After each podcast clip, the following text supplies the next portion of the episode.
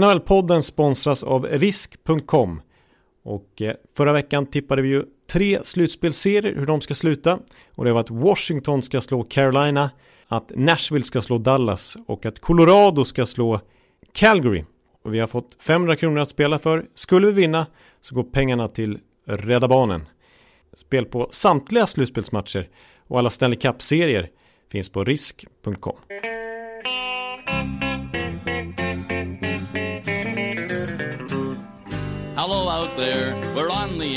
It's hockey night tonight. Tension grows, the whistle blows, and the puck goes down the ice. The goalie jumps and the players bump, and the fans all go insane. Someone roars, Bobby scores at the good old hockey game. Oh, the good old hockey game is the best game you can name, and the best game you can name. Hallå, hallå, hallå, hallå, hallå, hallå, hallå, hallå. Oj, oj, oj, oj, oj, oj, oj. Jaha, ja, hallå, hallå ska jag säga mer, mer eh, lite pikt kanske. Det där var ju då den ena traumatiserade halvan av NHL-podcastens laguppställning, Jonathan Ekeliv i Stockholm. Fullständigt under isen idag, eh, medan jag då, Per Bjurman i New York, ska vara lite farbror Barbro här åt, åt eh, Jonte. Morgonen efter den fullbordade katastrofen och chocken i Columbus där det Tampa Bay en vecka in i slutspelet efter bara fyra matcher är borta. Hur är det Jonathan? Hela världen undrar hur du, hur du står ut nu. Ja, ja. oj, oj, oj. Det här känns som att prata med, med Hillary Clinton eh, morgonen 9 november 2016, dagen efter förlusten mot Trump. ja. Nej, men du... Jag, jag är ganska... ja, men jag är så tom så jag vet inte. Jag, jag ska försöka formulera på mig på något, med någon vettig analyser och försöka säga någonting. Men just nu, eh, på frågan hur jag mår så har jag inget, eh, inget vettigt svar. Jag, eh, målsättningen var att dra upp rullgardinen i morse ungefär. Det, det lyckades med i alla fall. Så det, det är en ny dag i alla fall. Men eh, nej, jag mår inget vidare. Usch. Nej, jag ska lova att jag ska ta fram allt jag har av terapeutisk förmåga här så att vi ändå får ihop ett, ett bra 238 avsnitt av denna podcast. Eh, För att eh, vi ska väl ändå leva vidare Jonathan? Ja, jag måste väl det. Is it October yet, höll jag på att säga. Ja, precis, precis. Jag mådde ju så ja, bra nej, för sex dagar sedan. Då, då hade vi vunnit grundserien och tagit 62 segrar, mest genom tiderna ihop med ett lag på 90-talet och ett på 70-talet. Men det, Ja, tänk om jag hade sagt då att nästa gång vi spelar in då är Tampa ute i slutspelet. Då hade du skrattat åt mig. ja. ja, det du sa var istället att Tampa skulle vinna med 4-0 i matcher. Själva. så att det var den... eh, Ja, förlåt. förlåt. Ja. Ja. Mina argument för eh, Columbus var bara besvärjelser för om de eventuellt skulle förlora någon match. Ja. Det sket sig Ja. fullständigt. Ja, jag, jag, jag beklagar, jag är ledsen Jonathan, men, men jag lovar dig. Det kommer bättre tider. Det kommer, det, det läker, tiden läker alla sår och du kommer snart att och, och se tillbaks på det här med förundran snarare än, än eh, den här slösa sorgen du känner nu. Men hörru du, vi ska ändå försöka göra ett avsnitt här. Vi ska gå Ja, igenom... jag ska skärpa till mig. Kom igen. Ja, ja, nu. Kom igen nu. Kom igen Ja, nu. ja, nu rycker jag upp mig. Skärpning. Ja. Känn att eh, Tortorella står bakom dig och skriker. Kom igen nu. Ja, då vaknar jag till. Oj. Ja. ja. För att eh, vi, ska, vi ska titta på alla åtta serierna som pågår i denna fantastiskt eh, överlag eh, rätt så förstummande första runda i Stanley Cup-slutspelet. Absolut. Det händer ju, den där, eh, det händer ju faktiskt anmärkningsvärda saker överallt. Men vi ska, vi ska såklart börja med den serien i öst då, mellan Tampa och Columbus Blue Jackets som eh, slutar med en av de största eh, skrällarna och ett av de största fiaskorna i Stanley Cup-historien. Det, det går inte att säga på något annat sätt. Jag är ingen sån som springer och, och skriker fiasko hela tiden. Men hur ska man annars beskriva det? Liksom? Det finns inga andra ord. Nej, alltså. nej, det, precis. Jag kommer försöka komma med lite förklaringar här till varför det blev som det blev och definitivt lyfta fram Columbus som gör en helt otrolig serie. Men det är klart, det går inte för en President's Trophy-vinnare som står för en av tidernas bästa grundserier att bortförklara en 4-0 förlust. Det är oacceptabelt på alla sätt. Ja, Så naturligtvis är det ett av tidernas största fiaskon. I amerikansk proffsidrott skulle jag säga. ja. Inte bara NHL. Ja, ja det, är, det är ändå så otroligt underligt och, och man, det kommer ju att letas förklaringar hela sommaren till det här. Men, men eh, för att, alltså det börjar ju, första matchen börjar ju precis som väntat. Första perioden såg det ut som vi trodde. De går upp i 3-0 ledning och eh, bara le, leker. Ja, ja precis. Och Columbus såg ut som de har gjort i tidigare slutspel också. Att Bobrovski darrar och eh, släpper in mål till och med på uppvärmningen var det folk som noterade. Eh, och allmänt osäker och Columbus eh, spelstrategi funkar inte alls. De blev mer eller mindre överkörda av Tampa där faktiskt. Mm. Men ja, sen måste jag säga någonstans i andra perioden så börjar Tampa själva gå på lite grann det här och det känns som att alla vill göra mål och de känner själva att de är helt överlägsna. Och eh, ett symboliskt mål för hela serien så här i efterhand skulle jag väl ändå på något sätt peka ut. Det är just 3-1 målet. Det första målet Columbus gör i den här matchen. När Ryan McDonough av alla helt plötsligt får för sig att pincha jättehögt. Eh, Erik Sernak, hans backkollega, har också långt uppe i, i offensiv zon. Och så ska han slå en crosspass till Sernak när man ser att Columbus har ja, tre spelare framför Tampas backar liksom så att säga. Om de skulle tappa i det läget så skulle det bli ett jättefriläge för Columbus. Och det är precis det som händer. Ryan McDonough av alla slår den passningen. Eh, för att han också vill göra poäng typ. Eh, Columbus vänder, gör 3-1 och plötsligt lever matchen igen. Ja, På, ja. men det var, det var ju förmodligen det sämsta som kunde hända den där första perioden. Att det, att det kändes som att det gick lätt då. För att eh, precis som du säger fick man känslan av att eh, de började tro det själva också. Vi, vi, vi kan spela ut dem. Eh, ja. och, och, började spela så istället för att försvara sin ledning. Då. Det sa ju Cooper något om efteråt också. Eh, men samtidigt var det ju också som att, som att något ljus gick upp för Columbus eh, efter det där, ja. som du säger, 1-3 målet. Det var att, att de hittade nyckeln till hur man löser Tampa och sen bara låste de upp dörren och gick in. Jag tycker, ja precis, alltså, men så här känner jag också att den matchen trodde man var ändå ett undantag. Alltså jag såg inte några nycklar då som Columbus hade Nej. låst upp. Utan jag trodde bara att det var Tampa som gav bort matchen och klantade till det. Eh, för sen trodde jag, liksom många andra, liksom Tampa själva tror jag, att liksom, man tittar på deras grundserie, de har inte förlorat två matcher i rad sedan i november. De studsar alltid tillbaka efter en förlust. Vasilevski, han har bara en gång förlorat två matcher i rad på hela säsongen. Eh, så att, att då åka på 1-5 i en sån match, det tror jag var extremt mentalt knäckande. Eh, mm. För i den matchen, då märktes det att Columbus verkligen hade gjort läxan. Ja, det var ju Tampas sämsta av alla matcherna. Precis. Den andra matchen hemma i Amalie.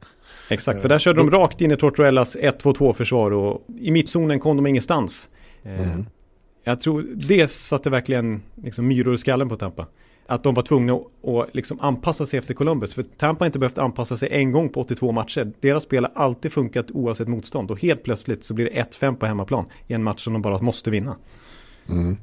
Ja, alltså eh, det är som de säger, det finns ingenting svårare i världen än, än halvt, när du ligger under med, säger de då här, när du ligger under i, i Super Bowl i halvtid eh, och du måste ändra spelplanen som har tagit dig dit. Den funkar ja. inte längre, säger de.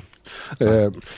Men jag tycker samtidigt, det, jag, det är så mycket som fascinerar mig i det här. Men jag tycker att det är dåligt. Man, man måste man, skräda orden här. Det är dåligt Jonathan.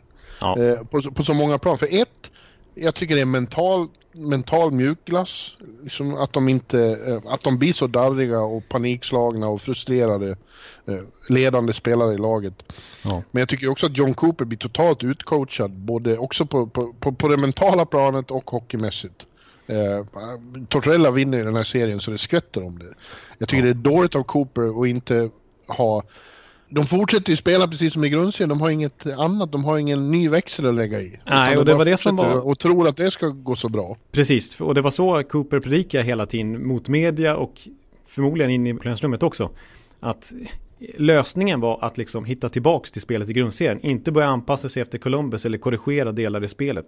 Nej. Utan det blev att man bankade huvudet i väggen hela tiden och tänkte att till slut kommer det se ut som i grundserien. För att vi tog ändå 62 segrar på det här viset. Vi svepte Columbus i grundserien med totalt 17-3.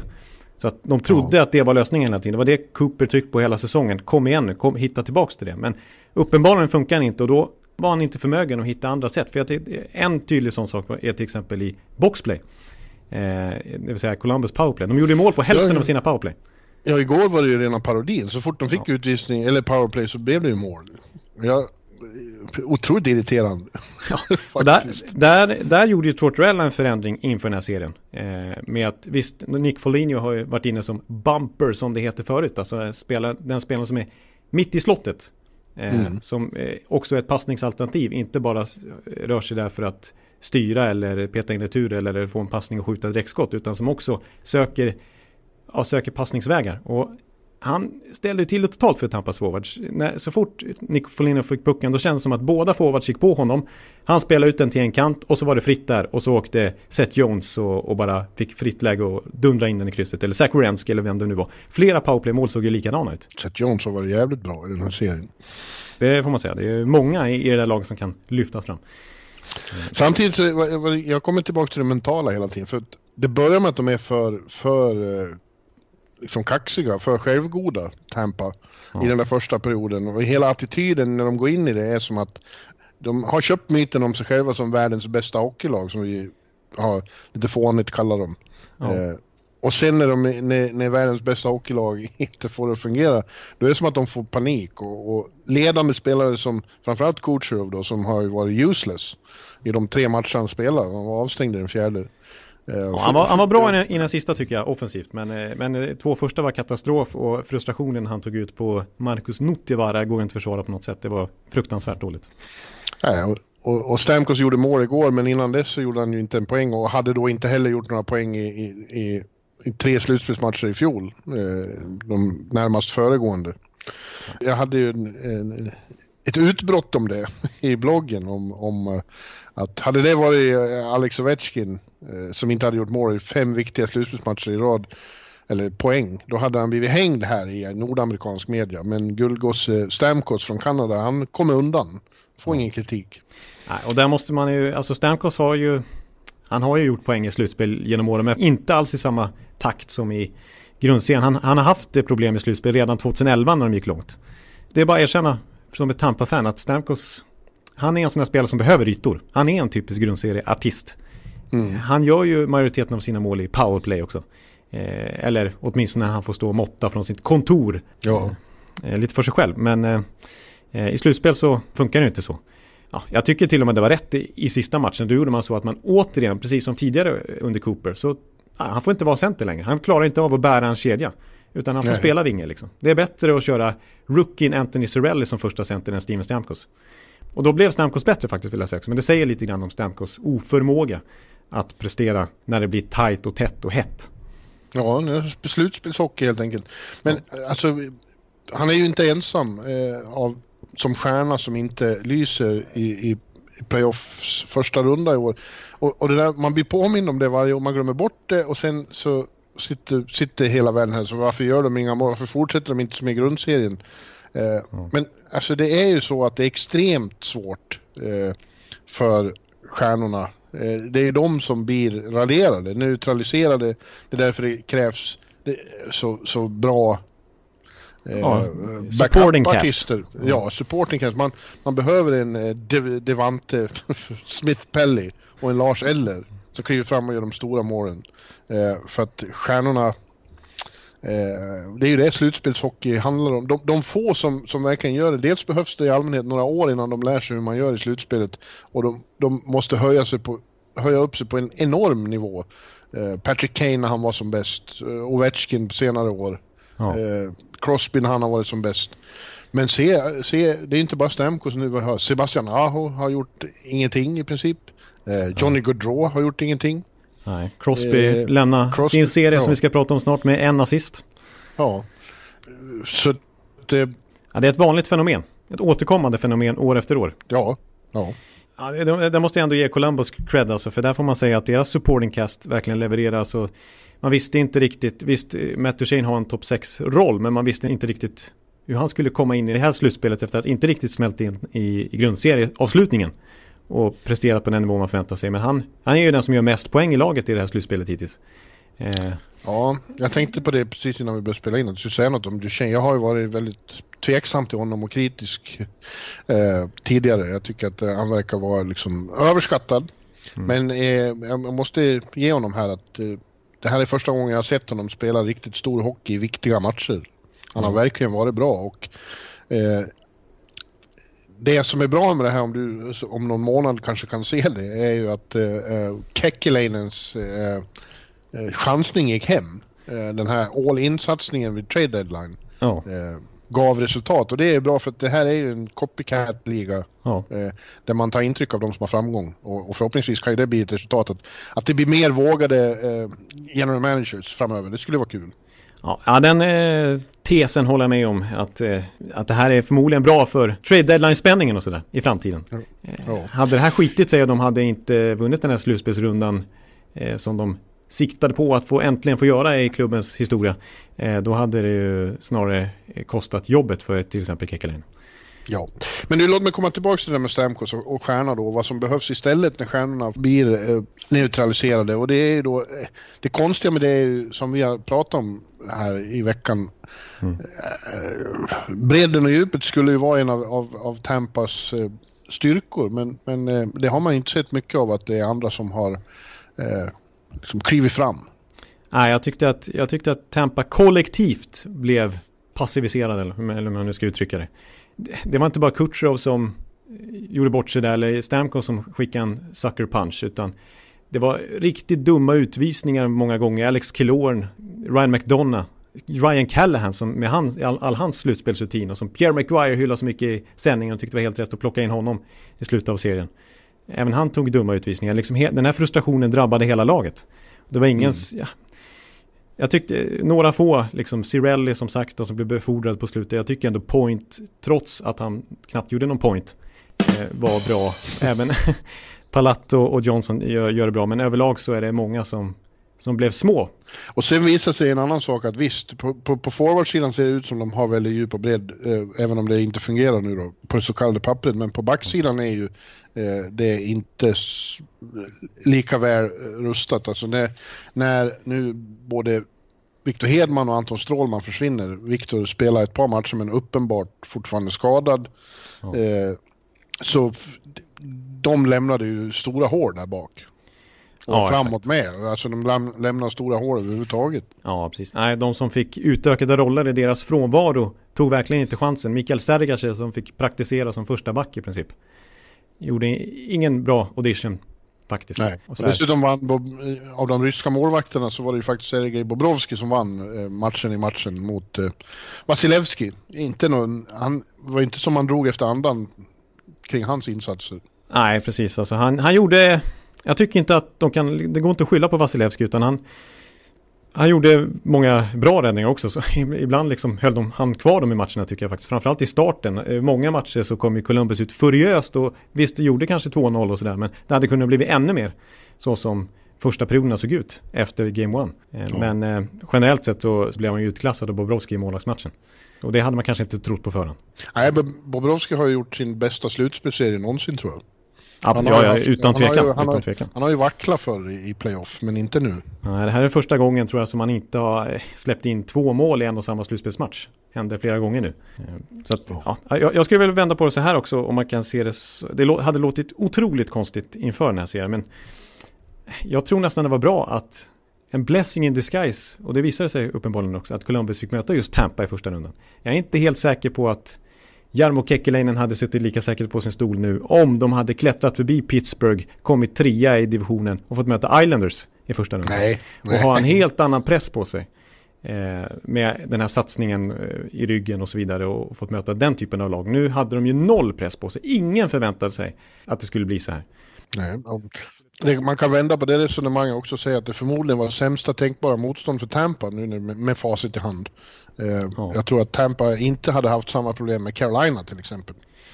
Nej, precis. Jag tror också det att, att eh, när man tittar på det så här på pappret eh, liksom så är det klart att de möter det lag som var sist in i slutspelet. De blev klara eh, sista helgen. Liksom. Mm. Och då, då, ska man ju liksom när man Tampa själva var klara i början av mars så, så är det klart att man borde vara ett betydligt slagkraftigare lag.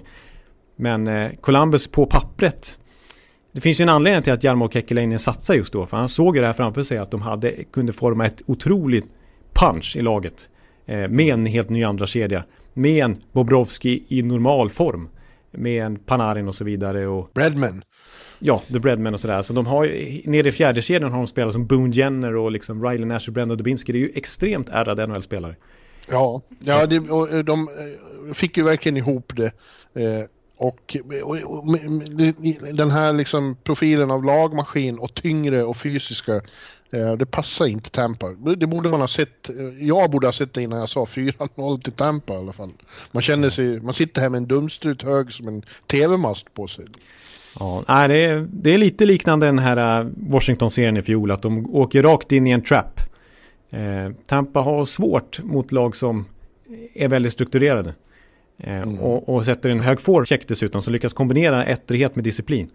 Och det var precis det Tortorella lyckades banka in perfekt i sina spel. För alla var ju med på det här tåget när det väl satte sig i andra matchen. Ja, man har ju sett bilderna från när han peppar dem i omklädningsrummet. Och det är ju inte bara det att han hittade nyckeln hockeymässigt utan att hans förmåga att få dem att tro på sig själva. Jag kommer tillbaks till, jag kommer ihåg när Fredrik Modin som ju spelade i Tampa 2004 när just Tortorella var coach där. Ja, och de vann mm. Stanley Cup.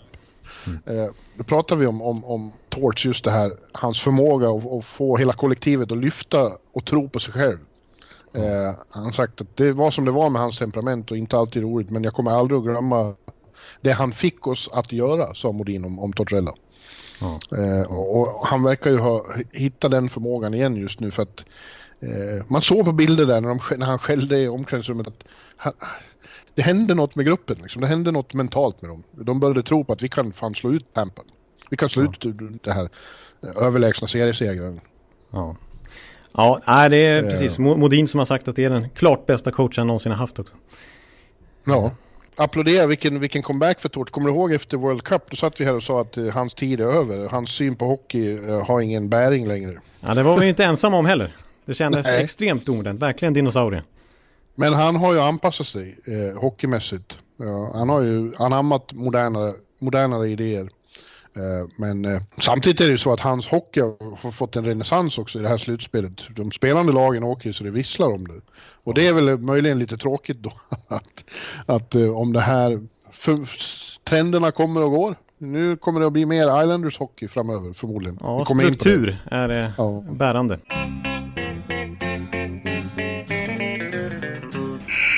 Ja, eh, vi har lite problem här med, med uppkopplingen idag så det blir kanske lite, vi får klippa, eller Jonathan eh, har våran supermixare, eh, poddens Phil Spector, får klippa och grejer så det låter kanske lite konstigt. Vi ber om ursäkt för det. Jag vill, vi, vi ska inte bara prata om den här serien precis, men jag ville bara avsluta med Frågan är ju nu med två, två saker tänker jag på. Mm. Vad innebär det här för Columbus i fortsättningen? Alltså det, det här är alltså första gången de vinner en slutspelsserie någonsin. Ja, faktiskt. Och, och de går vidare till andra rundan nu med såklart ett enormt självförtroende. Eh, efter att ha slagit ut, ja de har ju tagit bort kungen, ur, drottningen ur, ur matchen. Liksom. Ja. Eh, det är svårt att se att de ska vika ner sig. eh. Nej, jag håller med. Det, det, alltså, med det här spelet så... För, för, det måste jag också säga att jag tycker ändå Tampa spelar upp sig i båda bortamatcherna och framförallt den här fjärde matchen. Men det räcker liksom inte. Eh, för att Eh, Columbus var bra också. De, fick, de gav inte Tampa någonting gratis. Jag Nej. tyckte det var liksom ingen del i spelet som inte funkar. Special teams, målvaktsspelet, strukturen, både offensivt och framförallt defensivt. Alla, och alla tre deras, zoner. Och alla deras stjärnor lyckades ju faktiskt göra avtryck. Trots ja. det vi sa tidigare. Panarin till exempel. Jag har ju lyssnat, lyssnat på delar av de här matcherna och jag har fått lov att, att lyssna på på radio eftersom jag var ute på en liten roadtrip här. Ja. Eh, och, deras, och då får man in hemmalagets eh, eh sändning.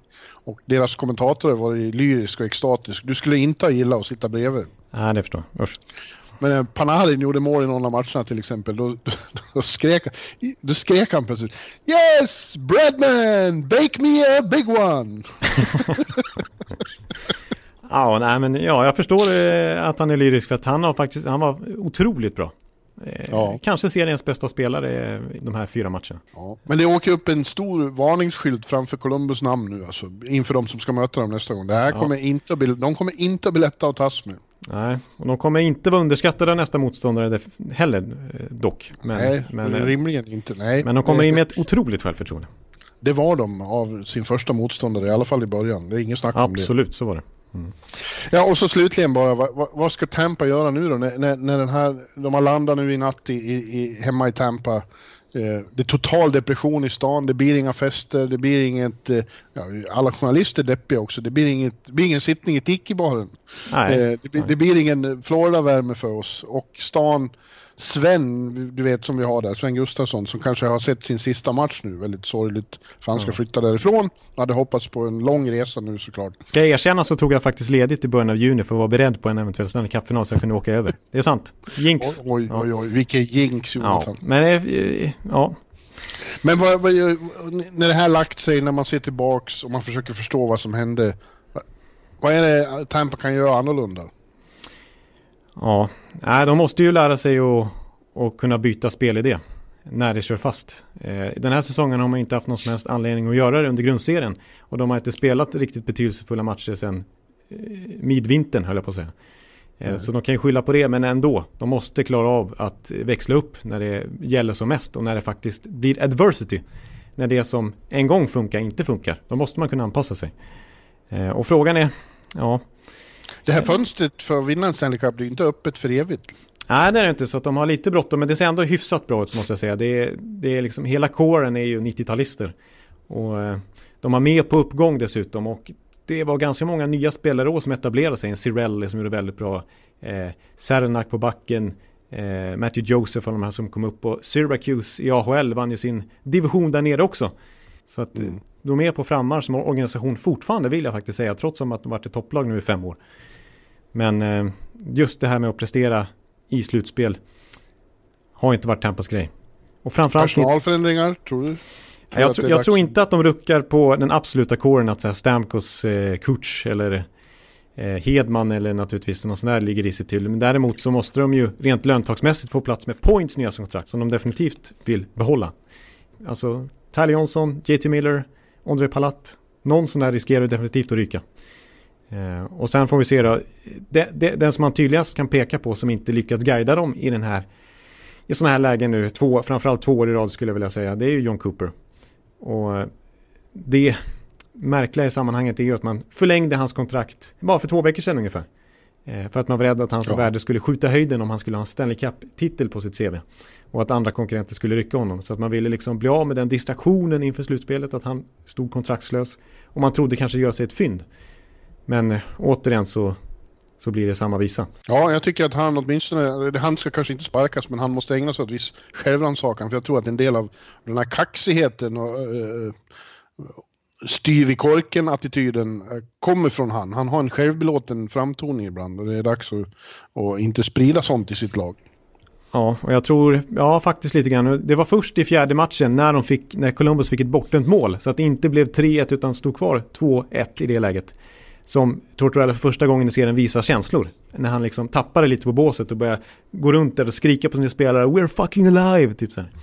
Och så ja. väcker dem. Det var första gången. Annars liksom ja, hur dåligt den kunde se ut så eh, när han blev intervjuad av Pierre McGuire sån här uh, mitt i matchen intervjuer så sa han Ah, you know, uh, we gotta step up, you know, but we know we're a good team and there's no other team than this I would stand behind and we're, Nej, we're gonna precis. find a way liksom. Så det var, det var lite kaxigt liksom. Eh, det, ja. ja. nu har det varit väldigt mycket fokus på den serien. Ja, och det, det får ni ursäkta. Det har inte bara att göra med, med att Jonathan är Tampa-fan. Det är ju faktiskt en remarkabel sak som hände där. Eh, och krävde mycket, mycket babbel. Ja. Eh, Skönt. Skönt att göra bokslut. Nu ska jag släppa det så länge alltså. Nu kan jag skita ja. i det. Ja. ja, tills vidare.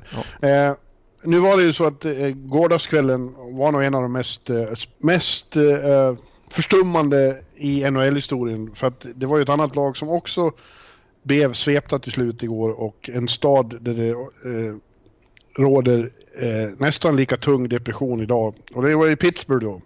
Ja. Eh, om inte Tampa hade åkt på den här smällen så hade, hade vi Eh, varit lika tagna av det som hände där. För att eh, det, det hamnar lite i skuggan av Tampas fiasko men, men Pittsburghs misslyckande här är ju också helt uh, wacko. Vem ja. fan hade trott att New York Islanders skulle ta stjärnspäckade Penguins i fyra raka? Jonathan? Ja. Nej, alltså definitivt inte inför den här serien och framförallt inte inför säsongen. Ja, det är skämskudde på mig igen. Alltså skäms sån här dumstrut. Det, det behöver du inte, ja som sagt, tv-mast höga dumstrutar som sticker ända upp i himlen. Ja, men jag sa ju att Pittsburgh skulle vinna Stanley Cup den här säsongen. Jag, jag trodde att de skulle studsa tillbaks hela den här kåren och verkligen liksom efter en lite tyngre säsong i fjol vara hungriga igen och visa det spel som de hade två år i rad när de faktiskt gick hela vägen. Men eh, ja. de blev faktiskt krossade de också. Ja, och dels så handlar ju det om att de inte riktigt, eh, de själva inte kom upp på, på den nivå där man förväntar sig att se dem, men framförallt så stöter de på en extremt bra motståndare. Eh, ja. det har ju varit så att Islanders har kvävt dem. Precis, alltså det, det, så kan man verkligen uttrycka det. För att, alltså jag, jag tänker att det måste vara energikrävande för Islanders att spela på det här viset. Att det var så otroligt nitiskt disciplinerad i sin struktur och samtidigt ha den här forechecken och den här eh, ettrigheten i spelet, precis som jag pratar om Columbus nu. Det måste, det måste ta och spela så, dels i 82 omgångar och nu så här mot Pittsburgh i en första slutspelsrunda. Men faktum är att... Jag har till och med lyckats skruva upp det ja, ytterligare en nivå. ett snäpp till. Men faktum är att de som är klart tröttast idag det, och liksom som var det i den här serien, det var Pittsburgh. De orkade, de blev frustrerade, de blev mentalt utslitna av att möta det här laget. Och benen ja. orkar inte då heller. Alltså de tröttade ut Pittsburgh och de själva fick bara mer och mer energi kändes som. Ja, det var för Pittsburgh kändes som de stod med en sked och försökte eh, hacka sig igenom ett berg. Ja, lite så faktiskt. Ja, ja otroligt imponerande. Jag såg ju eh, de två första matcherna live här i, i ett eh, sprakande rocking Colosseum. Och eh, ja, eh, man kan inte annat. De är ju inte världens roligaste lag att titta på, Islanders kanske. Eh, så rent, rent eh, spelmässigt. Men man, man blir extremt imponerad. Jag tycker det är mindblowing att det är samma lag som, i princip samma lag som i fjol. Och som denne Barry Trotz har fått att spela på. Det, det, är svårt att få in att det går att göra med så uppenbart. Det kommer in en människa och säger nu gör vi så här. Och så blir de så. Ja, liksom hela stämningen, harmonin, kulturen i laget som har byggts upp av Lou och Barry. Alltså om man, ja. bara en sån spelare som till exempel Jordan Eberly. Som hade hemsk stämpel på sig efter sitt slutspel med Edmonton där 2017 när han blev tradad direkt efteråt. Efter att ha gjort noll mål på 13 matcher och stämplat som en choker och Ja, mm. men eh, nu är ju han hur bra som helst. Han har gjort fyra mål här på Pittsburgh och ligger i toppen av hela slutspelets poängliga och ser ju sylvass ut. Det är ju liksom i den kulturen han har hamnat i nu som gör att han får ut sina egenskaper på bästa sätt. Ja, det har ju varit en av styrkorna också utöver den här strukturen och att de spelar så snortajt defensiv och, och verkligen kväver Pittsburgh och deras stora offensiva stjärnor. Så har de ju själva varit jävligt effektiva när de väl har kommit eh, när de har gått till anfall och fått lägen. Och mm. han har ju varit eh, eh, exceptionell, framförallt han då, Ebele. Ja. Mm. Eh, ja, eh, imponerande. Sådana som vi, vi, nämnde nyss att Crosby inte har en poäng. Eller fick han en poäng? Ja, han fick ju till slut en assist i sista matchen, men Ja. ja, de höll honom i herrans tukt och förmaning på ett sätt som jag tror ingen har gjort sedan Henrik Zetterberg i finalen 2008. Nej, exakt, precis. Och så här Malkin frustrerad. Eh, Kessel ja. ser vi inte mycket av. Gentzel som gjorde 40 mål i grundserien. Eh, det blev faktiskt noll poäng av Patrik Hörnqvist som annars är en sån som brukar vara en katalysator för Pittsburgh.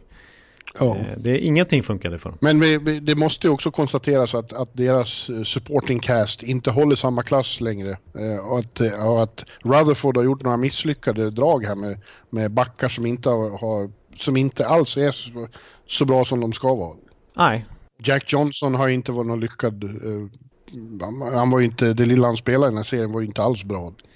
Nej, nej det är, precis. På senare år så, så är det inte mycket han har gjort rätt faktiskt. Jag är inte helt övertygad av Bjugstad och McCann som supporting cast heller. Framförallt inte Bjugstad.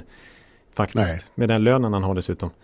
Nej, han har faktiskt gjort väldigt mycket dåligt tvärtom på senare år. Eh, som ja. snarare har skälpt eh, Pittsburgh än hjälpt dem skulle jag säga. Ja, det var till att börja med var det dumt att göra sig av med, med Carl Hagelin. Eh, det, det började, hans stora era började med att han lyckades knyta till sig Hagelin och sen byggde eh, några pusselbitar runt den traden. Ja. Eh, som tog dem till två mästerskap faktiskt. Ja. Eh, man, man, ska inte, man ska inte släppa Hagelin, det går dåligt för alla lag som Ja, det är uppenbart. ja, ja, exakt. Samtidigt, Matt Murray har ju varit problem i kassen. Han är inte alls eh, lika bra längre. Nej, det, han är ju precis han som ändå var en dubbel Stanley Cup-vinnarmålvakt där när det gick som bäst. Men sen dess har det inte gått. Jag tyckte han studsade tillbaka den här grundserien och i våran införpodd här så, ska, så sa jag ju faktiskt att jag tyckte inte att målvaktsspelet kändes som en svaghet nu inför, inför slutspelet utan Murray hade en stark period bakom sig. Men nej, han eh, torskade också den här målvaktsmatchen grovt mot Robin Lehner då. Ja, Robin Lehner ska ju nämnas också. Alltså han nämns ju nu som i, i natt hörde från flera håll Mm. Att han är tidig Conn Smythe-favorit. Ja, han är en av de som ska nomineras här som man definitivt ska peta upp som ett alternativ. Robin Lehner som Conn Smythe, det, det, är ju frapperande. Det var ingen jättemarknad för honom i somras om man säger så. Nej, men, men han har ju varit otroligt bra. Han är så lugn och så säker. Det är inget eh, yvigt. Han bara står där han ska och är ju så enormt stor. Ja. Eh, men framförallt det här lugnet han utstrålar. Ja, och han som då under sina tidigare år i NHL, eh, mycket på grund av den bakgrund som han själv har berättat om och gått ut med, som var liksom känd som ganska hetsig och sådär. Eh, Mm. Och temperamentsfull. Men nu är det ju lugnet själv liksom. Ja, det enda man såg av det var ju igår när, när Hörnqvist bör, han började slåss med Hörnqvist. Men det, det förklarar han ju efteråt. Jag, jag pratade med, med Robin eh, någon timme efter matchen. Alltså det där var ju ett litet missförstånd. Bengan trodde att det var jag som hade slashat honom på baksidan när det var en av våra backar. Han vände sig om och ser mig och började hacka på mig. Eh, de kramades om efteråt, men sen sa han också, folk tror att det är så lätt att få mig ur balans för jag har hetsigt temperament. Det, det har jag inte längre och det är ingen bra idé för jag blir bara bättre när sånt där händer. Så han. Det är bäst att lämna mig i fred. Ja, ja uppenbart. Nej, han är ju 95% på de här fyra matcherna mot Pittsburgh. Det är, det är en fjäder i hatten, igen. Ja, verkligen. En annan, en annan styrka i början av serien som verkligen var en fördel för dem, det var ju Colosseum. Du, du, Ja, ja. du har ju varit med och sett denna hall, eh, vad som hände där. Och, och Ja. trycket de där två första matcherna där, eh, de, de kom upp, de, de pressade ytterligare ett steg från den här Tortorella-matchen, eller för Tortorella, nu ska du höra. Tavares-matchen vi var på. Ja, Eh, och, den var ändå det värsta jag upplevt. Mm. Ja, men då var det mer hatiskt och argt. Nu har det ju varit eh, positivt liksom och feel good. Mm. Och, och, och, och man har fokuserat på att stödja sina hjältar där ute på Long Island. Och satan nu hur, hur den, den skakade hela den där arenan. Ja, du skrev där att du trodde att Long Island snart eh, flyger ni ut i, ni, ni glider ut i Atlanten. Där Ja, ja, jag kom skrev att det inte... var ett mirakel om det sitter fast i nordamerikanska kontinenten fortfarande. Ja. Det kändes så. Men nu är ju då det underliga faktum att resten av slutspelet får de spela i Brooklyn. Det är ju bestämt sedan långt tidigare. Ja. Och eh, det, det är tyvärr, det måste vara en letdown för laget och för, för, eh, för fansen. För att Barclays Center är verkligen inte samma sak. Nej, Det en- Nu kommer det bli tryck där också men inte på samma sätt. Man kommer inte, publiken kommer inte lika nära och bli som man såg i ögonen på vissa Pittsburgh-spelare att de tänkte vad är det här? Det känns som man har publiken över sig. Liksom. precis, den är så otroligt tajt den där lilla ladan alltså. Det har ju med ekonomi att göra det här då. Eh, I, i, i Colosseum finns det 19 lyxsviter och 14 000 platser i övrigt. I Barclays Center finns det 100 eh, sviter, 19 mot 100 Ja. och 17 000 eh, säten. Det gör en skillnad på per match säger de runt mellan 1 och 1,5 miljoner dollar. Och det är ju pengar som inte Islanders kan fnysa åt och inte ligan heller. Så Nej. att eh, det låter jävligt krasst och trist men eh, så är det bara. Så att fortsättningen blir Barclays. Jag tror inte att det kommer påverka Barry Trotts lag så mycket men inledningsvis kommer det kanske vara en liten, ja, lite trist. Ja, men jag- med tanke på att man just kommer från Nassa och vet stämningen där. Men jag kommer ihåg när det var i slutspel för två år sedan. Eh, när de också spelade i Barclays. Eh, och det var faktiskt, trots hur dålig den arenan och ooptimerad den är för just hockey. Så var det ändå ruggigt tryggt där också. Alltså, Ja det kommer det att bli. det kommer Alltså, vara hemmaplansfördel. Fan, fansen har ju extrem feber nu. Det, blir, eh, ja, det- det kommer att vara så häftigt. Ja. Och det kommer att vara trevligt för mig att få ta tunnelbanan ut och, och se matcher. Det är väldigt convenient på det sättet. Ja, istället för två timmar med bil eller vad det tar ut till Long Island för dig. Ja. Ja, om man åker i fel tid som vi gjorde i bussen. Ja. Just det, då är det trafik där. Ja, usch. Och då får de möta antingen Washington Capitals eller Carolina Hurricanes. Den serien pågår fortfarande så 3-1 och match 4 kommer att spelas först imorgon, eh, torsdag. Fick Mm. två dagars ledigt mellan game 3 och 4 av någon anledning. Ja, det är konstigt. Eh, och eh, ja, eh, jag tror ju att in the end så blir det Washington. Jag tycker Carolina har gjort det väldigt bra i den här serien. Eh, lite, I delar av matcherna i Washington kändes det som att ja, eh, de, de här kan inte riktigt hänga med Washington. De är ett nummer för små, de vet för lite om, om playoff-hockey eh, och de är, de är helt enkelt lite så här rådjur som fastnar i, i strålkastarskenet från en ja, bil. Ja. Eh, Men, eh, men sen kom de ju hem eh, och jag åkte faktiskt ner till Raleigh för att få se, för att få uppleva första slutspelsmatchen i PNC Arena på tio år. ja, det tycker jag var häftigt att du tog dig dit. Mm. Ja, det tycker jag också. Jag är mycket nöjd med det, för det Ja. var en, en stor upplevelse. och få, få vara med i en hel stad, en stads längtan, förtvivlade längtan till slut stillas en kväll. Eh, ja. Och eh, ja, det hängde i luften då att det här, vad som än händer i övrigt så kommer de att vinna den här matchen. För det är, det, det, det är sån emotionell laddning här så de kommer att, att, explodera på den. Liksom. Ja. De, kommer, att, de har fått kärnbränsletillförsel i, i tankarna här.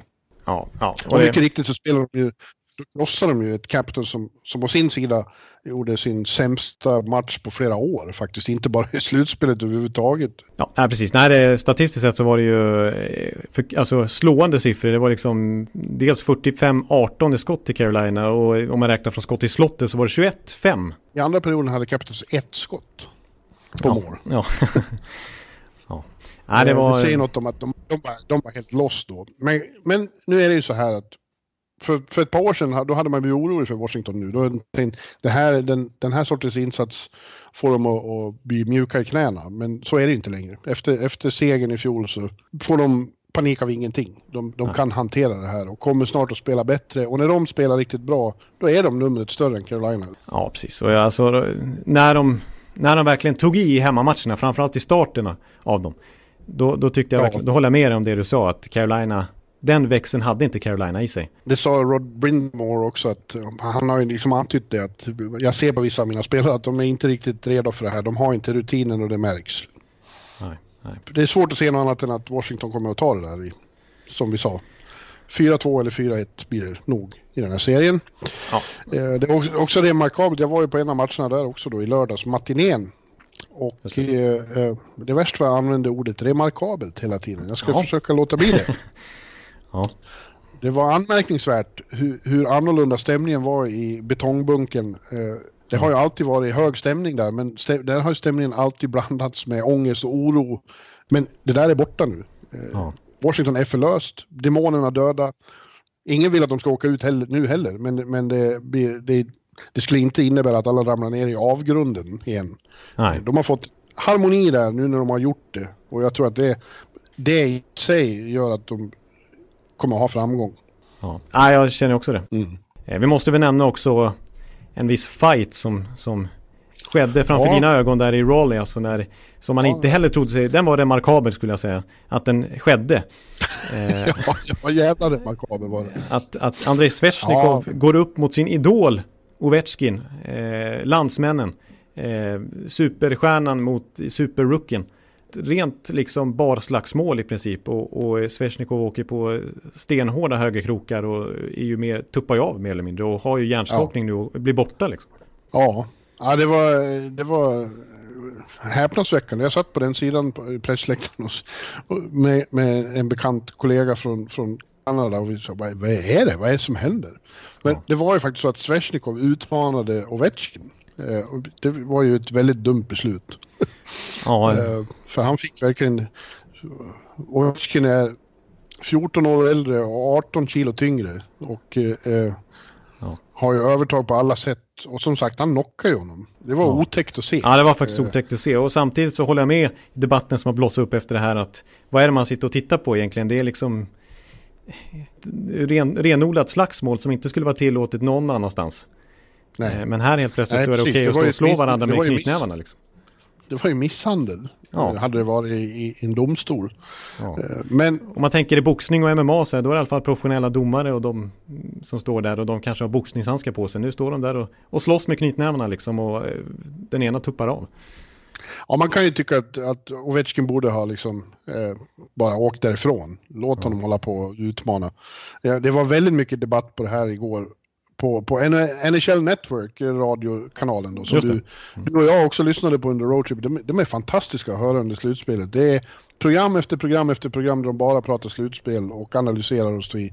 Och det var ju mycket debatt om den här situationen då. Men några gamla spelare så kom in och sa också att, som har själva varit inblandade i slagsmål, de höll med om att det, det såg jävligt otäckt ut, men när, när, man väl hamnar i den situationen när man har tagit beslutet nu är det slagsmål, då har man bara överlevnadsinstinkt, det är allt som tar över. Eh, ja. Så de kunde inte skylla på Ovechkin. Han gjorde bara vad man gör. Ja, han har ju en motståndare som står och dunkar högernäven mot honom också. Ja. ja. Det är själva Men, fenomenet i så fall som jag ifrågasätter. Ja, verkligen. Det där ska ju bort. Eh, och, och, och vad, vad tjänar de där lagen på att två av deras bästa spelare slåss och, och som allra minst får fem minuters utvisning och i värsta fall blir skadade som Svesjnikov blev nu? Ja. Och den här hjärnskakningsdebatten som pågår i NHL. Och visst, eh, ofta så blir det inte så farliga skador i, i, i slagsmål eftersom att de flesta som går upp i dem är ganska rutinerade och vet hur man försvarar sig. De har lärt sig att hålla emot ja. och sådär så att man inte riktigt kommer åt. Men ändå, själva poängen med de där slagsmålen ja. i grunden är att de står och ska försöka slå ner varandra. Så det är klart det finns en uppenbar skaderisk. det måste ju till eh, hårdare straff helt enkelt. Det ska vara matchstraff om man börjar slåss, då försvinner det ju. Ja, precis. Nej, ja. Ibland blir det ju liksom, just slutspelet blir det ju, det blir mycket gruff och, och, och gurgel som Niklas Holmgren brukar kalla det. Och det är ju ja. naturligt. Det är ju extremt eh, mycket känslor i svallning i, i slutspel. Ja. Men rena slagsmål borde vi få bort. När de står och slår varandra i ansiktet. Ja, det, det, det, är liksom, det är faktiskt inte hockey. Det tycker inte jag. Nej. Jonathan, det blir ett långt avsnitt det här. Vi måste ja. gå vidare. Ja. vi har en serie kvar i öst. Eh, ja. Den är inte ointressant den heller, sannerligen inte. Nej, det kan man inte säga. Den måste vi också ta tag i naturligtvis. Boston-Toronto. Eh, den står 2-1 till Toronto nu. Eh, det är fjärde matchen ikväll när vi spelar in det här på onsdagen. Ja. Vi har hållit på med det här bara en vecka. Kan du tro det? Det känns som vi har hållit på en månad med, med första rundan. Ja, det är så mycket storylines som helst man kan ta tag i. Och så här, vi, I den här serien så måste vi prata om Kadris eh, tackling och så, men det känns som att det var jättelänge sedan. Ja, det är det som vi fick en mail här och påpekande från flera att vi borde spela in oftare nu under slutspelet och det skulle vara härligt tycker vi också, men det finns ingen tid till det. Framförallt så skulle det förstöra för dig, för du måste sitta och klippa de här avsnitten och, och fixa så att de går att lyssna på. Så att tyvärr finns det ingen möjlighet. Nej, jag får inte utrymme till det alltså. Det, det går inte ihop sig och nu, nu får jag dispens här och lämna jobbet och sitta med den här podden också, så att det, det får jag bara en gång i veckan. Precis, och eh, ja, Toronto leder som sagt och det har ju varit en underlig serie med, med, med två ansikten den här serien. Eh, ja. Första matchen spelar man på Torontos villkor, då vann de. Match mm. två spelar man totalt på Bostons villkor, då vann de. Och så kom det tillbaks till, eh, spelar vi Toronto-hockey i match tre och då vann de. Eller hur? Ja. Det har verkligen varit så. Ja, precis. Exakt. Matcherna skilt sig åt väldigt mycket och är antingen åt Torontos fördel eller Bostons. Det har, så har det verkligen varit, det håller jag med om. Den som har fått sin vilja igenom vad gäller spelsätt eh, som matcherna ska genomföras på har vunnit. Ja. Och det är då eh, Toronto vill använda sin skid eh, och eh, Boston vill använda sin kraft och tyngd. Så kan man väldigt förenklat beskriva det. Ja, precis. Och sen måste man ju säga så här att eh, förra året så var det ju Boston som sprang iväg till ett 3-1 överläge. Liksom ungefär efter en vecka drygt. Eh, och i det här läget så är det faktiskt Toronto som leder med 2-1 när vi spelar in där. Och då måste man ju säga att en tydlig förändring mot förra året det är ju att de har John Tavares. Och hans in, ja, intåg, absolut. alltså nu har vi pratat om hur Islanders helt plötsligt presterar utan honom. Men hans intåg i Toronto i den här matchupen mot Bergeron-kedjan som han faktiskt har ställts mot har ju betytt enormt mycket för Toronto för att Faktum är ju att Tavares ihop med Mitch Marner har ju faktiskt lyckats neutralisera den mest mördande hockeykedjan i världen. Ja, ja faktiskt. Eh, jag, jag, skulle just säga det. Jag tycker Toronto när de har varit bra har gjort starkare intryck än Boston när de har varit bra faktiskt. Ja. Eh, man är lite mer imponerad av Toronto. Eh, och ja, nu var jag på väg att säga remarkabelt. Fan. ja, det blir dagens ord. Ja, jag är lite trött tror jag. Ordförrådet det skramlar omkring. Jag, jag får inte tag i orden. Nej, men remarkabel, det, det duger. För den där Marchand, Bergeron, Pasternak-kedjan har inte fått alls lika mycket utrymme som i fjol. Det är ju verkligen så. Nej, precis. Alltså på de sju matcherna i fjol så gjorde de 25 poäng 5 mot 5 och ytterligare några i powerplay. Eh, på de här tre matcherna hittills 5 mot 5 så har de bara gjort två poäng. Eh, och deras underliggande siffror, den kedjan som brukar fullständigt demolera även i den typen av kategorin, liksom Corsi och allt det här vi pratar om.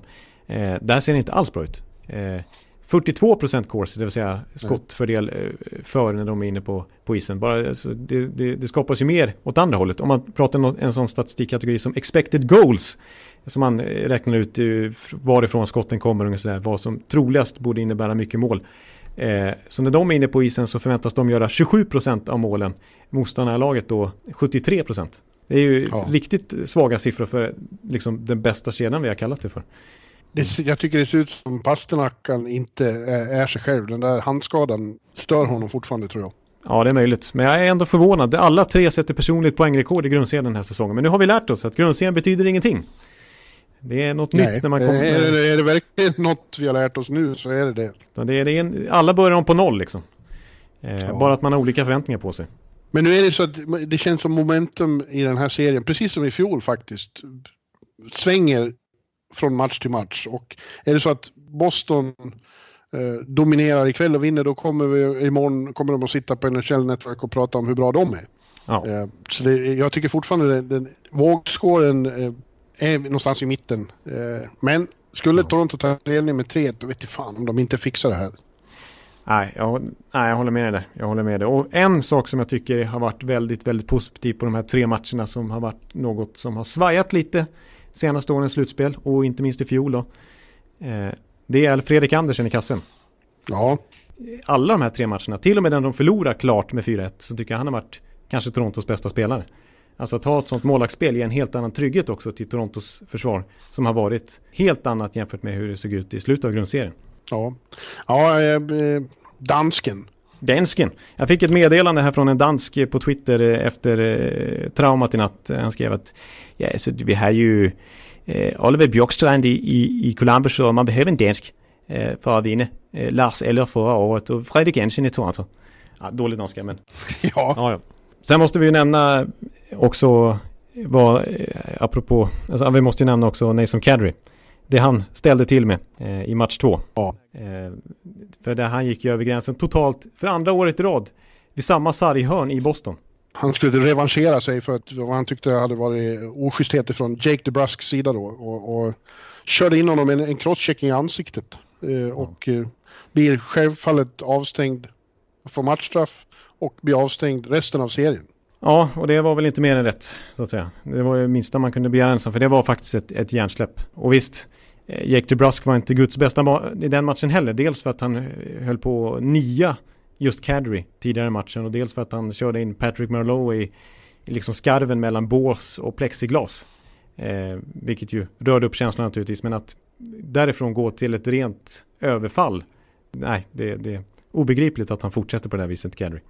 Ja, flera exempel på det. Jag förstår inte hur professionella proffs professionella proffs, professionella spelare som, som, som varit med så länge eh, att de begår sådana, eh, att de gör sådana klavertramp. Det har varit lika med, med Kucher och, och Thornton, Joe Thornton i, ja. i väst. Eh, att de av ren frustration begår sådana idiotiska, gör sådana tilltag. Jag fattar inte. Det, det, det, det gränsar till enfald tycker jag. Jag förstår att känslorna är heta men det måste man ju kunna hantera när man är de här figurerna. Ja, och grejen är att det blir ju kontraproduktiv effekt i och med att han själv blir avstängd. Det, det förstör för laget, deras matchups filosofi och sådär. De får en lång utvisning när det väl händer. Fyller ju definitivt ingen funktion liksom. Nej. Nej, men nu verkar det som att Toronto klarar sig bra även utan honom och, och eh, Ja, för deras skull får man hoppas att de fortsätter strunta i att han inte är med helt enkelt. Nylander har fått gå in som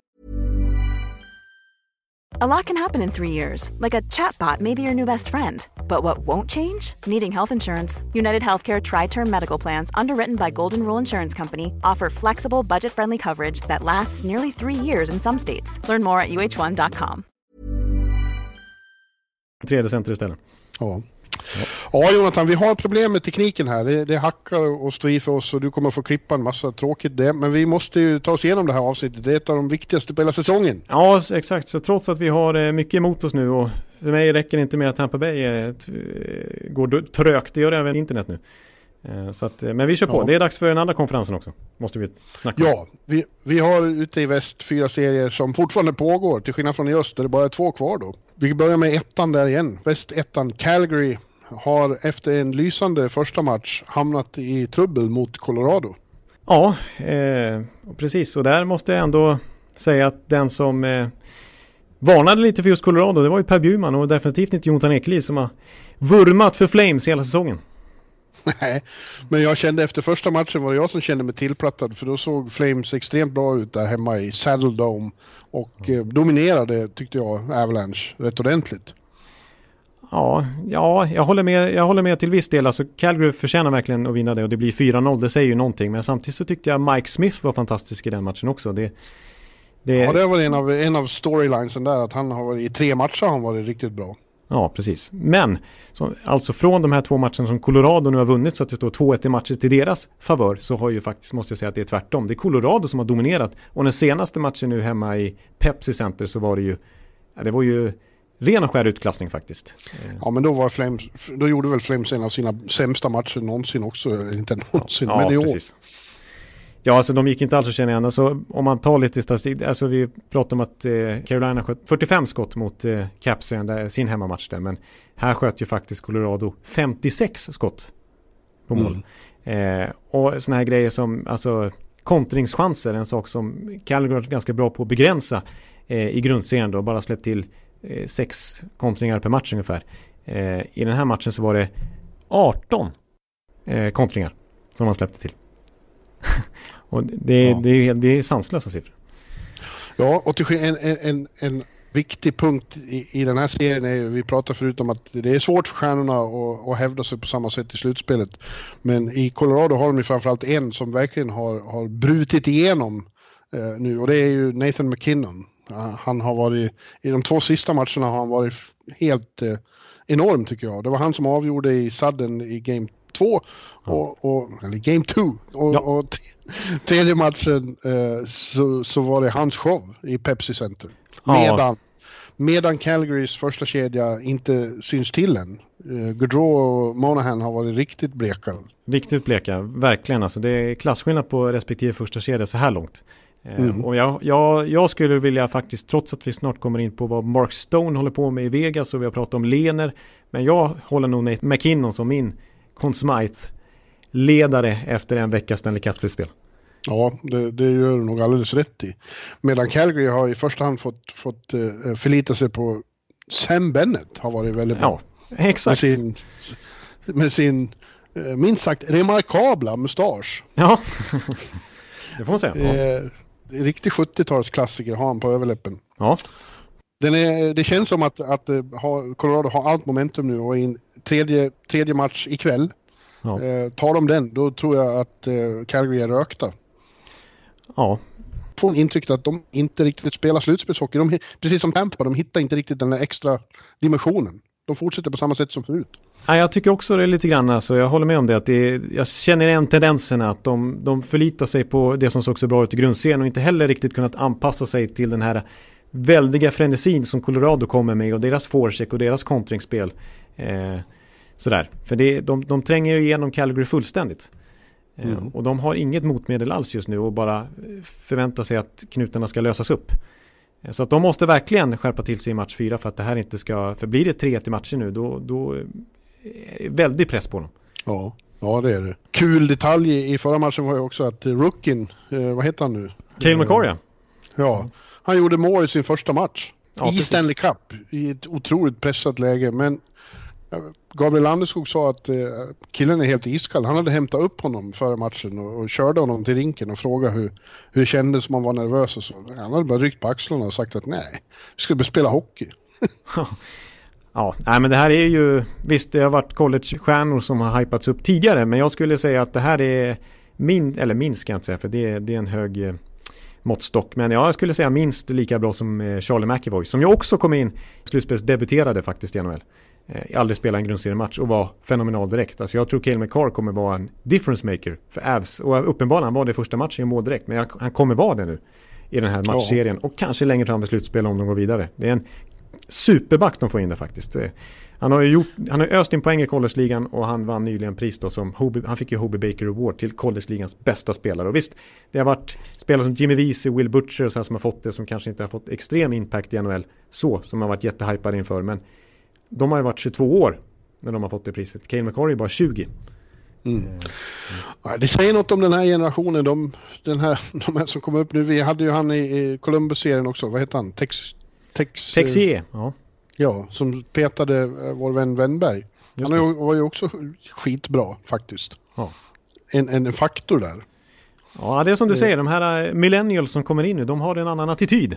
Ja, de låter sig verkligen inte beröra. De tycker att de är, jag är bra på det här. Det är ingenting att bekymra sig om. Ja, det är, det är kul att se och verkligen välkommet för Colorado att få in en sån superback liksom. Ja. ja. Ja, det är, de har bra chans att skrälla där tycker jag. Och då, får, då kanske min dumstrut eh, sjunker lite. Ja, lite grann ändå. Ja, jag ska bara säga det att jag är lite orolig på sikt här om Nathan McKinnon kommer orka spela 24-25 minuter per match om de går långt i slutspelet. För att här snackar man ju verkligen om att man... Nu ska man... vi inte titta så långt fram, de ska Nej. vinna den här serien, det är allt man pratar om nu. Ja, precis. För han, han, är, han spelar ju överlägset mest av alla forwards i, i det här slutspelet. Det är enormt vad de rider på honom. Men han gör det ju fantastiskt bra också. Jag har ju han som MVP. Mm. Ja. Ja, skulle de vinna då får de möta, eh, se, då, som wildcard-lag blir ju de då Pacific-lag. Eftersom ja. det är Calgary de går upp mot och det betyder att de får då möta vinnaren i Vegas San Jose-serien och eh, där ser det ju ut som att eh, Vegas också har skaffat sig eh, väldigt övertag nu. De har, de har satt harpunerna i hullet på hajarna. Ja, det får man säga.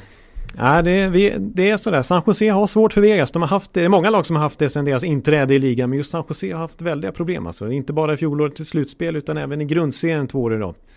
Ja, de har spelat, jag tror det var någon som sa att de har spelat 18 matcher nu sedan Vegas kom in. Det är ju otroligt mycket. Ja, det är väldigt mycket. Mm. Och, och, Vegas har vunnit eh, nästan alla.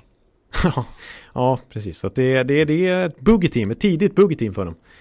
Mm. Ja, men San Jose har ju ett problem som vi ju faktiskt identifierade för eller varnade för. Och, och det är ju att Marty, Marty Jones är inget bra i kassen. Nej, han är inget, det kan vi bara säga. Han är inget bra. Han, han lever ju på sitt eh, renommé från slutspelet 2016 när han gick till final och han var fantastiskt bra. Det ska man ge honom. Och det var det som gav honom det här fina kontraktet han har i San Jose nu som inte ser bra ut. För jag menar, det är ju... Ja, det var ju så att San Jose hade sämst målvaktsspel i grundserien. Det kan man i alla fall se tillbaka på. De var det enda laget som hade under 90 procent tror jag. I ja, och nu har de sämst i slutspelet också, tyvärr. Ja, och det är ju det går, det är mål direkt. Det tar ju inte ens en minut, sa Vegas-ledningen. Nej, det har ju varit genomgående tema och inför matchen igår då så hade de pratat, San Jose pratat extremt mycket om att vi måste få en bättre start och så gör Pacioretty mål direkt. Ja. På, ett, på ett som han borde ha tagit. Ja, det är många skott som går igenom honom i princip. Ja, ja. Eh, han sätter sig ner blixtsnabbt så det öppnar upp ytor liksom. Ja. Ja, och det var ingen tillfällighet att det var Pacioretty då. Den där kedjan, och vi har pratat om vilka enskilda spelare som är bäst. Den bästa kedjan i slutspelet hittills är ju, är ju den som Pacioretty, Stasny och eh, Mark Stone. De har ju varit otroligt bra mot, mot uh, San Jose. DeBoer har ju fått lov att erkänna det själv. Vi, de äter upp oss och vi har inget svar. Nej, de är alltså etta, två och trea i hela Stanley Cup-slutspelets poängliga så här långt. Ja, det... och alla tre är ju som McPhee har knutit till sig i år. Precis, det är en helt ny kedja gentemot fjolårets slutspel och det är ju en enorm uppgradering. Vi har sagt det tidigare också att det här är en första kedja i väldigt många lag. Ja. Eh, och då har de redan sedan tidigare William Karlsson och Riley Smith och, och Jonathan Marchessault som var en fantastisk första kedja i fjol. Ja, ja de har, de, på pappret har de ju, och nu i praktiken också, Vegas är ju bättre i år än i fjol. Ja, det är de. Även om William Karlsson igår på telefon sa att ja, eh, det är bara att nu är det ju de som gör allt. Vi andra borde bidra lite mer också, inte minst vår kedja. Den hamnar lite i skuggan av Verkligen. Stone Pacioretty. Mm. Uh, men vilket lyckat drag av McPhee alltså. Och Mark mm. Stone, uh, vi har pratat mycket om att uh, Niederreiter var bästa tradefyndet mm. under säsongen. Men nu måste man ju, måste ju sätta strålkastaren på Stone. Ja, vi har ju hyllat han hela säsongen och jag har lyft fram han som min Selke-gubbe och sådär. Det är många som verkligen har vurmat för Mark Stone att han måste få ännu mer cred och bli ännu mer erkänd i NHL. Ja. Men, men nu, nu är det ju ingen som har missat honom.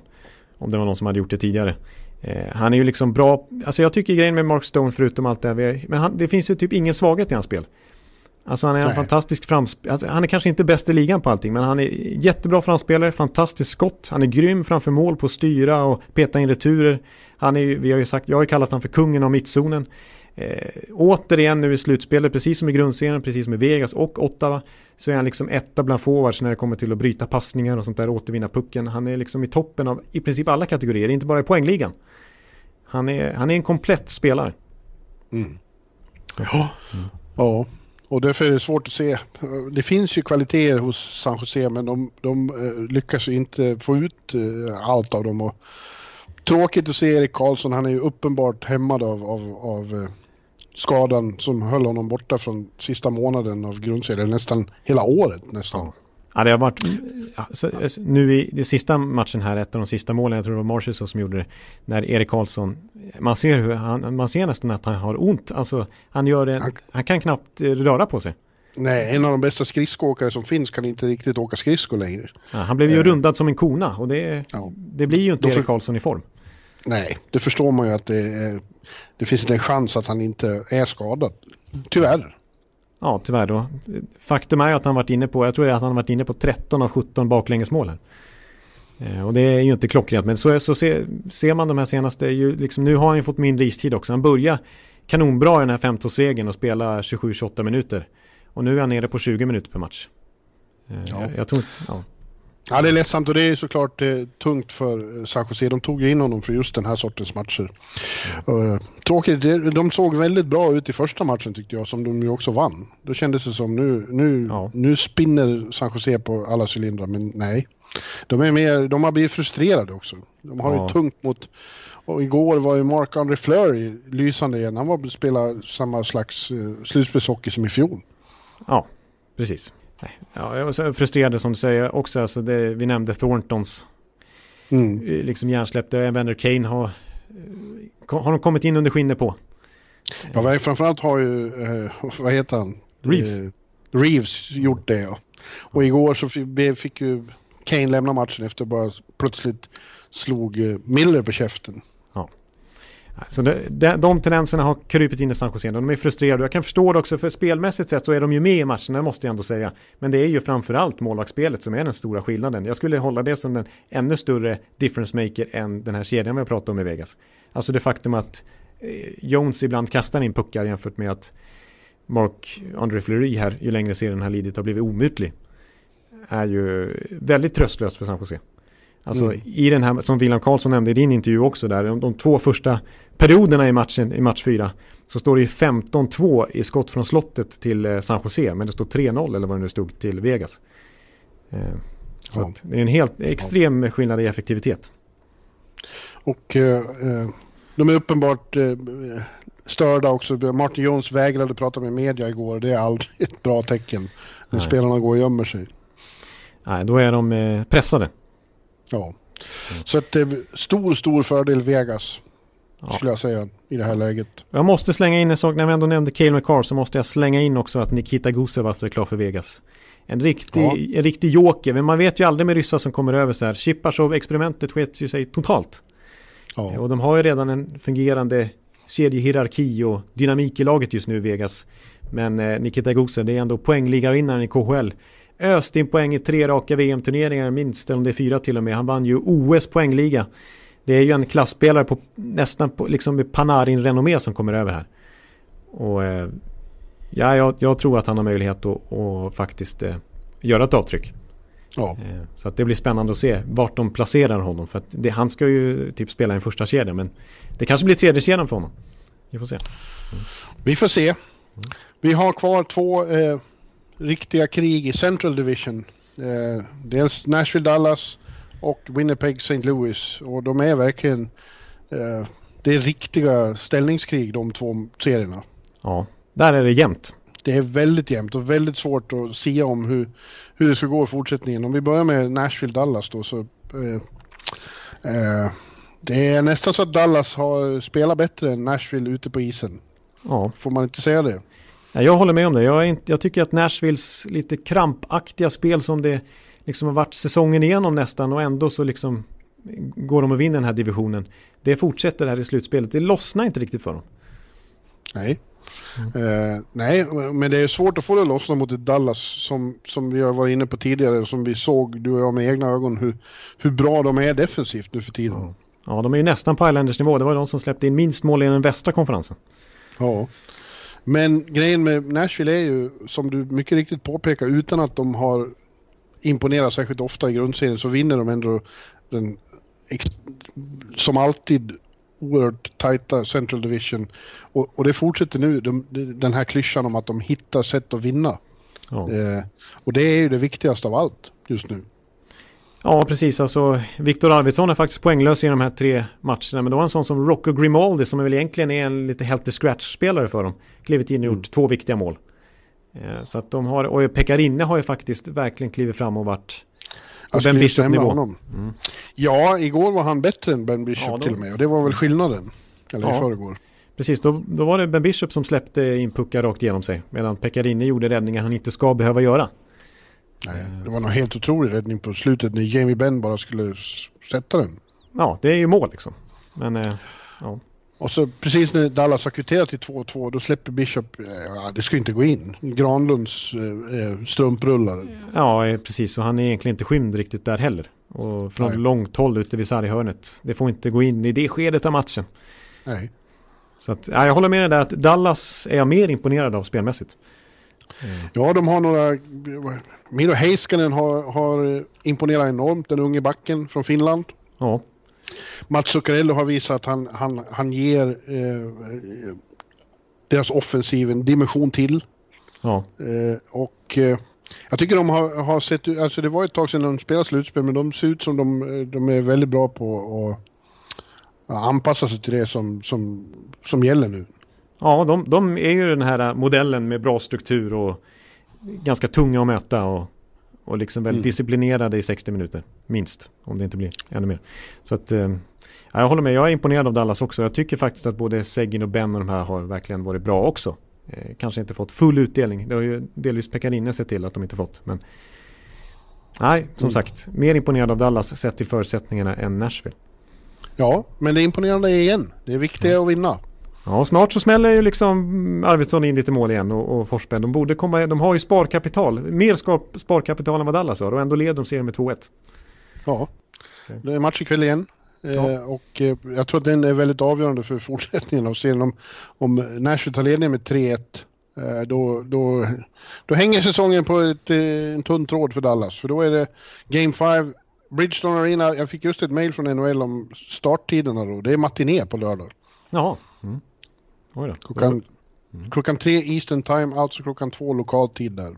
Oj, oj. Oj, oj. Då är det nästan så du blir sugen på att åka till, till Nashville. Ja, det, det, är redan klart att jag ska vara där, hörde du. Oj, jag ska, jag ska dit eh, lite privat till och med. För att eh, vänner från Leksand, eh, Mr Niklas Eriksson med familj är där. Och vi ska ses i Nashville. Oj, Ja, där ser man. Och då kan du få se en supermatch då dessutom. Ja, om, om eh, Nashville har slagläge då, då blir det spännande.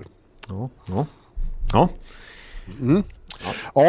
ja eh, men som sagt, det är svårt och, extremt svårt att säga om, och det är det ju även i den sista serien då, mellan Winnipeg och St. Louis, där St. Louis imponerade enormt genom att ta två segrar i, i, i, i Winnipeg och då trodde man att Winnipeg skulle sluta sig till de här favoriterna som, som bara viker ner sig.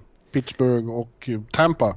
Ja. Men de kom tillbaks och, och har nu kvitterat efter två matcher i St. Louis. Ja, där jag faktiskt måste säga att Winnipeg var bättre i de två matcherna. Alltså i match tre till exempel så tyckte jag att det var Jordan Binnington som räddade St. Louis. Eh, mm. Ett tag, men sen så började målen trilla in och det blev faktiskt 6-3 till slut. Men eh, nu, nu tycker jag faktiskt att det är fördel Winnipeg igen. Eh. Ja, det är det. det. Dels för att de har hemmaplansfördel igen. Men också för att eh, de här sista två matcherna, kanske till och med, ja de sista två matcherna, så känner man igen Winnipeg igen. De ja. har, eh, det gick, det gick det inte att göra i slutet av grundserien och inte de två första matcherna heller. Eh, Nej. De var inte på den nivå där de var i slutspelet i fjol, men nu börjar de komma ditåt igen. Ja, precis. Connor Hellebuck liksom får till sitt målvaktsspel. Eh, Dustin Bufflin är den här slutspelsmonstret som han var i fjol. Och eh, första kedjan med Wheeler, Shifley och Connor är bra. Line har faktiskt gjort mål i tre av fyra slutspelsmatcher. Eh, ja, det, det, det, har klickat mycket bättre. Ja. Att, ja. Men jag, vill, jag, jag, skulle akta mig för att räkna bort St. Louis. Eh, som Snacka om att de har fått till det som lag. Liksom. De har fyra fungerande formationer. De har en andra kedja framförallt som, som när, när Tarasenko Company blir lite hårt åtsatta, då kliver Sunken fram istället. Ja, han har gjort flera viktiga mål. Framförallt där uppe. Han gjorde det där uppe i, i Winnipeg. Ja. ja. Mm.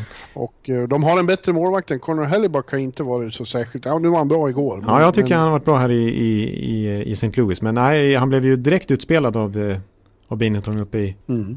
Ja, alltså Binningtons, jag tycker alla fyra matcher egentligen har han varit suverän. Det var ett osäkert kort inför slutspelet här om man skulle hålla även i den här, på den här scenen när det vrids upp. Men han är, ja, han är ju på nivå i princip tycker jag. Ja, men eh, ja, och enligt Jarko så är det nu klart då vilka som vinner Stanley Cup. För att om, om bara eh, Winnipeg skulle kvittera igår så kommer de att vinna, så kommer de att vinna alltihop. Ja. Eh, sa vår tvärsäkra vän från, från Finland. Ja. ja. Vi kan ju faktiskt påpeka, vi, vi, vi, spekulerade ju innan vi, eh, apropå Jarko då, spekulerade vi innan slutspelet på att det, kanske, det här kanske är året när Line är bra i slutspelet istället för i grundserien. Och lite så har det ju faktiskt varit. Ja. Han har ju gjort, han gjort mål, de tre första matcherna gjorde han mål. Ja, jag håller med om det. Han, han har sett eh, hetare, mer motiverad ut. Liksom ja. lite ilsk ut nästan, att han liksom vill leverera nu verkligen och kliva fram och tysta tvivlarna. Ja. Precis som man ska. Eh, ja, eh, jag måste ändå säga det, du sa att de har fått tillbaka hemmaplansfördelen, men det konstiga är ju att Winnipeg Whiteout har inte funkat så bra resultatmässigt. Jag menar, de förlorade ju så mycket matcher mot Nashville där förra året på hemmaplan och nu förlorar de båda mot St. Louis. De har ett litet hemmaspöke helt plötsligt, trots att de har ett lika bra hemmastöd som New York Islanders skulle jag vilja säga. Ja. Ja. Att, ja, det, det blir spännande. Det är väl imorgon det som eh, vi har nästa match där. Ja.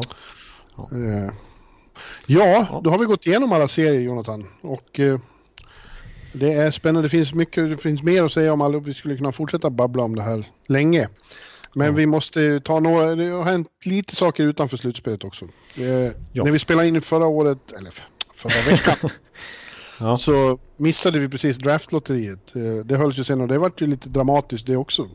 För att eh, eh, topplagen ramlade ner i, i rankingen och upp klev eh, Chicago, New Jersey, och, eller Chicago Rangers och, och Devils så tog de tre första platserna. Ja, där måste vi nämna, det här skedde ju bara någon timme efter vi spelade in förra avsnittet som sagt då. Det känns som att det är en månad sedan. Det känns nästan som att det är ett år sedan som du råkar säga. Eh, men eh, vi måste ändå nämna det i podden ja. också. Alltså, eh, Devils, återigen, Taylor Hall-faktorn. Det är alltså ja. sjätte gången sen han blev draftad som nummer etta, eller om man räknar in den, sen han blev draftad etta 2010, som han spelar i det lag som vinner draftlotteriet. Ja. Vilken eh, curse. En bra svit. Ja. Och som sagt, Rangers 2, det är första gången som i, någonsin som Rangers eh, väljer bland de tre första. Så det var en jackpot för dem. Verkligen, och ska vi prata topp tre vill man ju naturligtvis hamna, men topp två just i år är ju en stor skillnad mot topp tre. För att det är ju ja. det är ju verkligen två stycken som sticker ut och det är lite delade meningar om vem som kommer gå ett och två. Det mesta talar ju för Jack Juice då som varit så hypad under lång tid som att Devils plockar honom då. Men Capo Caco, finländaren, Jarko favorit, nya Jarko-favoriten. Han kommer nog börja heja på Rangers. Kommer att besöka dig eh, på pressläktaren i Madison Square Garden eh, kommande vinter. Ja, det ser jag fram emot. Eh, för att mycket talar ju för att Rangers får in en superfinländare där. I Kako. Ja, eller Rangers sitter ju i en väldigt bekväm situation. Det är inte, det är inte de som ska välja, det är Jersey som väljer åt dem. Ja, precis. I princip. De väljer den de tar först och Rangers tar den andra, det är ju bara så. Precis, det är ett fantastiskt consolation prize de får oavsett vem det blir. Ja, alltså för Rangers är det här, jag tror att det är nästan ännu större för dem än för Devils för att, för att eh, det här innebär ju att eh, eh, rebuilden i praktiken är över. Eller åtminstone har speedats upp något fruktansvärt. Ja. Eh, några några eh, free agent signingar i sommar, eh, några tunga. Mm. Och, och så ettan, sen har de ytterligare fullt med första val. Precis, de har ja, tio draftval i sommar. Och liksom på, på, ja, och flera i första rundan. Ja, eh, och på 14 månader här så har de eh, samlat på sig mängder med talang. Eh, så, liksom, ja. Och nu häromdagen så, det är ju inte officiellt klart än för det kan inte bli förrän i maj. Men det påstås ju att både det är klart att från KHL så ska gamla första valet Vitali Kravtsov komma över till Nordamerika och superkeepern Igor Sjestjorkin som, som har varit ja. eh, keeper där för dynastin Sankt Petersburg och spelat, ja, precis som Gusev, tre raka VM-turneringar. Eh, komma över och utmana Georgiev och Lundqvist. Eh, så att, det, ja. och det, det pratas om att de... Ja, det har varit plötsligt eh, ett, en helt annan stämning runt Rangers efter den här dystra säsongen. Precis, och de har massa löneutrymme som skulle i praktiken kunna gå efter feta UFAs, UFAs nu om de ska påbörja sin liksom, återuppbyggnad på riktigt nu. Ja, och apropå Rangers. Mm. så har deras förre tränare Alain Vigneault klivit in på scenen igen. Han eh, gjorde sin sista match eh, med Rangers i Philadelphia i sista grundserieomgången i fjol. Och nu återkommer han till samma scen, samma adress. Ja. För att eh, Philadelphia Flyers har signat Alain. Badtofflan är tillbaka. Ja, precis. Det tog ett år. Sen, eh, sen var han stekhet igen och får ju pengar så det skvätter, höll på att säga. Han får ett... Eh... Ja, herregud. 25 miljoner dollar för fem precis. år. Grattis. Alain. Det är mer än vad Barrett Trotz fick i New York Islanders till exempel.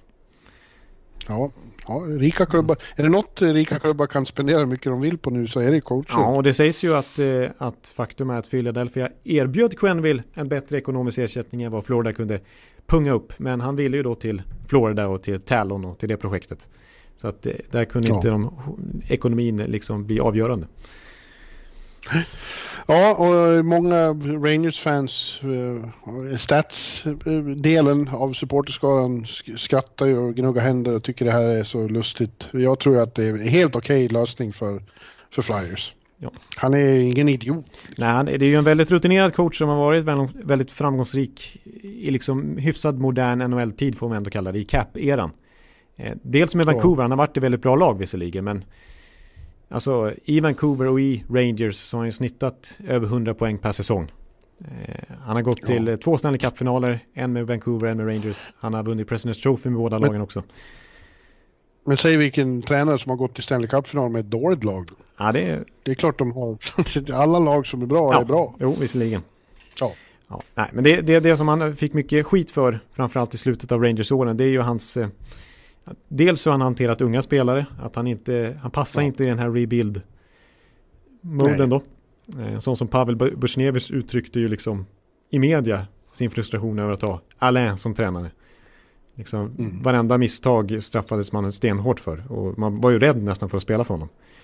Ehm, och det här, det här med liksom nu när, alltså han är lite fast i den här Kevin Bjäxa-typen av backar som han hade i i, i Vancouver. Ja. Liksom. Han älskade ju Mark Stahl och Dan Girardi och sådär. Och det är klart att Flyers-fansen ja. blir lite oroliga att aha, vi trodde vi skulle köpa ut Andrew McDonald men nu kanske vi får stå ut med en säsong till när badtofflan vill, vill ha den typen av backar. Ja. Men det viktiga för, för Flyers just nu är lite mer stabilitet efter några år av experiment på coachsidan och på andra sidor med för övrigt. Ja. Eh, att det är självklart att de, precis som ett par andra klubbar, eh, vänder sig nu till mer eh, etablerade coacher. Precis, pendeln svängt från det här eh, college-coacherna och AHL-coacher till att ta in de mest rutinerade man kan hitta. Ja. ja.